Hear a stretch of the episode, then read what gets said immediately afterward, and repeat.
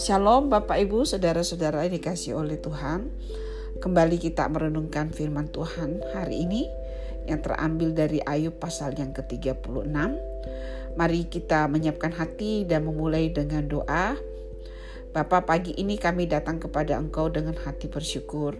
Berterima kasih buat hari yang baru dan sebelum kami melakukan seluruh kegiatan kami Tuhan, kami akan membuka hati kepada firman-Mu Tuhan. Berbicaralah kepada kami dan berkati renungan yang akan kami dengarkan. Di dalam nama Tuhan Yesus kami berdoa. Haleluya. Amin. Ya renungan pagi ini terambil dari Ayub pasal yang ke-36 dan ini adalah kelanjutan dari ucapan-ucapan seorang muda yang bernama Elihu yang selama pembicaraan antara Ayub dengan sahabat-sahabatnya uh, Elihu tidak berbicara. Dia menempatkan diri sebagai orang muda yang uh, memberi kesempatan kepada orang yang lebih tua untuk berbicara. Namun ketika dia melihat ada ada situasi di mana dia uh, bisa berbicara, maka dia pun berbicara dan uh, dari percakapan-percakapan ini kita akan belajar beberapa hal. Nah, di dalam pasal 36 ini ayat yang pertama ini adalah pernyataan Elihu bahwa dia tidak berbicara sebagai orang yang berhikmat uh, atau alasan apa pun, tetapi dia berbicara atas nama Tuhan, atas nama Allah. Dia mengatakan, "Aku akan meraih pengetahuanku dari jauh dan membenarkan pembuatku, yaitu penciptaku." Di dalam ayat yang ketiga. Nah, kemudian Elihu di dalam pasal 5 sampai pasal yang ke uh, 15 atau ke pasal yang 2, 2, 12 tepatnya uh, kita melihat sebuah kebenaran yang umum yang disampaikan oleh Elihu bahwa Allah ya Allah akan memberikan balasan kepada ketaatan atau kesetiaan Sementara ketidaktaatan atau ketidaksetiaan itu mendatangkan hukuman. Ini adalah hal yang umum yang kita dengarkan. Nah, dia mengatakan di dalam ayatnya yang kelima, ketahuilah Allah itu perkasa namun tidak memandang hina apa pun. Ia perkasa dalam kekuatan akal budi. Ia tidak membiarkan orang fasik hidup tetapi memberi keadilan kepada orang-orang sengsara. Ia tidak mengalihkan pandangan matanya dari orang benar, tetapi menempatkan mereka untuk selama-lamanya di samping raja-raja di atas tata, sehingga mereka tinggi martabatnya. Jikalau mereka dibelenggu dengan rantai tertangkap dalam tali kesengsaraan, maka ia memperingatkan mereka kepada perbuatan mereka dan kepada pelanggaran mereka karena mereka berlaku congkak. Dan ia membukakan telinga mereka bagi ajaran dan menyuruh mereka berbalik dari kejahatan. Jikalau mereka mendengar dan takluk, maka mereka hidup mujur sampai akhir hari-hari mereka dan senang sampai akhir tahun mereka tetapi jikalau mereka tidak mendengar, maka mereka akan mati oleh lembing dan binasa dalam kekebalan. Orang-orang yang fasik hatinya menyimpan kemarahan. Mereka tidak berteriak minta tolong kalau mereka dibelenggunya. Nyawa mereka binasa di masa muda dan hidup mereka berakhir sebelum saatnya. Dengan sengsara, ia Tuhan menyelamatkan orang sengsara. Dengan penindasan, ia membuka telinga mereka. Jadi kesimpulan dari ayat-ayat ini adalah bahwa Tuhan memberikan ganjaran baik kepada ketaatan maupun ketidaktaatan. Dan jikalau orang benar mengalami persoalan, maka sikap yang benar itu adalah keterbukaan kepada Tuhan untuk mendengarkan apa yang sebenarnya Tuhan mau Tuhan eh, inginkan kita merespon bagaimana dengan situasi yang mungkin membuat kita sengsara. Dan eh, hal yang berikutnya adalah bahwa kadangkala yang menjadi permasalahan bukan Tuhan itu tidak bisa menolong ya di dalam ayatnya yang ke ayat yang ke 13 sampai yang ke 15 tetapi sikap uh, hipokrit atau sikap uh, kemunafikan dari orang-orang yang berpikir bahwa oleh karena mereka itu kenal Tuhan, mereka adalah orang percaya, maka mereka tidak perlu mengoreksi diri, tidak perlu memeriksa diri dan bertobat jika diperlukan. Mereka berpikir sudah seharusnya uh, secara otomatis perlindungan Tuhan itu terjadi atas mereka. Dan uh, orang-orang seperti ini didefinisikan oleh Tuhan sebagai orang-orang yang fasik. Di dalam hati mereka menyimpan kemarahan. Mereka tidak meminta pertolongan kepada Tuhan. Ya, mereka tidak berteriak minta tolong kalau mereka dibelenggunya Katanya ini huruf besar menunjuk kepada Tuhan. Dan Tuhan sebenarnya seperti memancing sesuatu melalui kesulitan-kesulitan, tetapi orang-orang yang mengeraskan hati dan hidup di dalam kebenarannya sendiri, di dalam ayat ini mengatakan mereka menyimpan kemarahan. Mungkin mereka berteriak kepada Tuhan, "Ini tidak adil," dan sebagainya. Dan kemudian mereka tidak menemukan jalan keluar dan ini sangat mendukakan hati Tuhan jikalau orang mengeraskan hati untuk men, menerima teguran dari Tuhan untuk menarik perhatian eh, kita kepada Tuhan jikalau kita hidup di dalam sesuatu yang salah. Nah, ayat yang ke-16 dan seterusnya ini berbicara uh, mengenai bagaimana Elihu sedang mengajarkan Ayub tentang kebesaran Tuhan.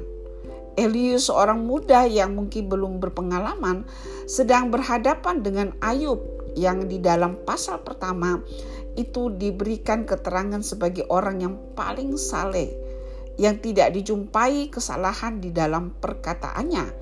Dan hari ini ketika berhadapan dengan Eliu, Eliu dalam otoritas Allah di dalam wibawa Allah mengajarkan Ayub tentang kebesaran Tuhan. Dia mengatakan, juga engkau dibujuknya keluar dari dalam kesesakan ke tempat yang luas bebas dari tekanan ke meja hidanganmu yang tenang dan penuh lemak.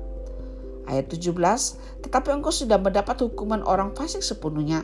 Engkau dicengkram hukuman dan keadilan. Janganlah panas hati, membujuk engkau berolok-olok. Janganlah besarnya tebusan menyesatkan engkau. Dan dapatkah teriakanmu meluputkan engkau dari kesesakan atau seluruh kekuatan jeri payamu? Uh, Elihu berkata kepada Ayub bahwa di dalam ayat yang uh, ayat yang ke-15 ya.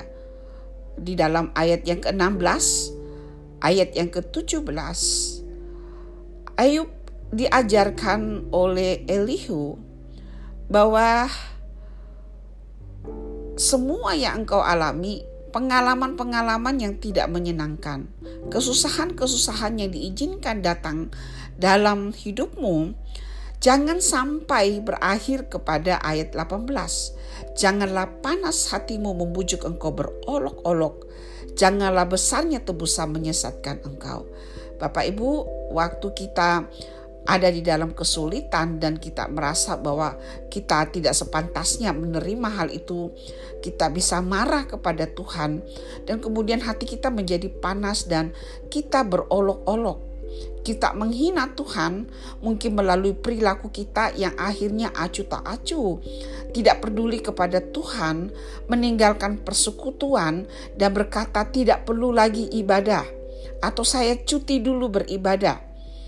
Dan hal ini hati yang panas yang tidak sepantasnya diberikan kepada Tuhan akan membawa kita kepada satu hal yang sangat menyedihkan yaitu kita tersesat dan orang yang tersesat itu susah untuk benar-benar kembali melihat bahwa dirinya perlu ditolong, perlu bertobat, perlu berbalik dari jalan-jalannya yang salah. Karena apa Bapak Ibu? Karena dia orang-orang tersebut sudah berpikir mereka itu benar, Mereka benar dalam cara berpikir mereka, mereka benar dalam perkataan mereka, dan mereka benar dalam tindakan mereka. Nah, Bapak Ibu, nasihat dari Elihu kepada Ayub ini kiranya juga menjadi nasihat kepada kita pada waktu kita ada di dalam kesulitan kita memastikan kita minta Roh Kudus membukakan apakah ada sesuatu yang salah di dalam diri kita. Paling tidak, kalaupun kita tidak menemukan jawaban mengapa kita mengalami kesulitan, pastikan bahwa hati kita tidak menjadi marah kepada Tuhan, tidak membuat kita akhirnya tidak berhormat kepada Tuhan, dan membuat kita menjadi tersesat dan menjauh dari Tuhan. Ayat 21 meminta kita untuk sungguh-sungguh mendengarkan dan menaruh hati kita kepada firman Tuhan ini. Saya akan bacakan, jagalah dirimu, janganlah berpaling kepada kejahatan, karena itulah sebabnya engkau dicobai oleh sengsara. Mari kita menjaga hati kita, menjaga diri kita, supaya kesusahan yang kita alami itu membuat kita tidak berpaling kepada kejahatan ya. Membuat kita meninggalkan Tuhan sehingga kita masuk kepada penderitaan yang lebih lagi. Di dalam ayat 22 dikatakan sesungguhnya Allah itu mulia di dalam kekuasaannya. Siapakah guru seperti dia guru yang sejati Bapak Ibu adalah Tuhan sendiri dan dia yang sekarang bersama-sama dengan kita di dalam roh yang kudus. Tuhan Yesus sebelum naik ke surga berkata, roh itu, para kletos itu, penolong itu akan mengajarkan segala sesuatu kepada engkau. Dan kita bisa belajar dari firman Tuhan, kita bisa memahami kebenaran firman Tuhan. Jika Roh Kudus membukakan pikiran kita, membukakan pengertian kita untuk memahami apa maksud Tuhan di balik semua yang terjadi atas hidup kita atau paling tidak menjaga hati kita untuk tidak berdosa dan menyalahkan Tuhan waktu kita merasa tidak menemukan jawaban. Bapak Ibu, saat-saat sekarang ada begitu banyak hal yang kita hadapi dan kesulitan-kesulitan yang eh, kita terima. Ya, kiranya nasihat dari Elihu ini membuat hati kita berkata, "Tuhan, jagai hatiku." Walaupun saya tidak memahami seluruh hal yang terjadi dalam hidup saya, saya sudah menyelidiki hati saya, saya tidak mendapati bahwa saya sedang melakukan sebuah dosa. Tetapi Tuhan tolong hati saya untuk tidak menjadi marah, untuk tidak akhirnya membuat saya tawar hati dan menjauh dari Engkau. Kiranya kita tetap menjadi orang-orang yang melekat kepada Tuhan, sekalipun kita tidak sepenuhnya memahami jalan-jalannya. Izinkan Tuhan mengajarkan kita. Izinkan Tuhan akhirnya satu kali akan membuat kita memahami kenapa itu terjadi di dalam hidup kita. Saya berdoa buat Bapak Ibu yang mendengarkan renungan ini, apa pun yang menjadi persoalan hidupmu, kiranya Tuhan akan membuat Bapak Ibu semakin teguh di dalam kesetiaan, di dalam iman percaya kepada Tuhan dan Tuhan akan membawa pengertian yang baru, pengertian yang lebih lagi kepada Bapak Ibu. Tuhan memberkati Bapak Ibu. Mari kita berdoa. Bapak terima kasih buat renungan firman hari ini yang disampaikan oleh seorang muda yang begitu menghormati Engkau. Dan kami mau mendengar karena kami tahu firmanmu yang datang dari orang yang sungguh mengenal engkau. Ini adalah ya dan amin. Tuhan, kami diingatkan untuk tidak terburu-buru di dalam perkataan kami, di dalam pikiran kami, di dalam tindakan kami, waktu kami mendapati diri kami dalam kesulitan. Dan kiranya kami waktu ada di dalam kesulitan justru kami akan mencari Tuhan, bertanya kepada Tuhan apa yang salah dan walaupun kami mungkin tidak mendapatkan jawabannya, kami menjaga hati kami untuk tidak menjadi marah kepada Engkau, tidak membuat kami datang kepada kejahatan dan akhirnya meninggalkan Engkau. Biar kami tinggal tetap di dalam persekutuan dengan Engkau ya Tuhan. Tolong kami dan biarlah kami menghadapi hari esok dengan sebuah kepercayaan Engkau ya dan amin besar perbuatanmu Tuhan. Terima kasih. thank you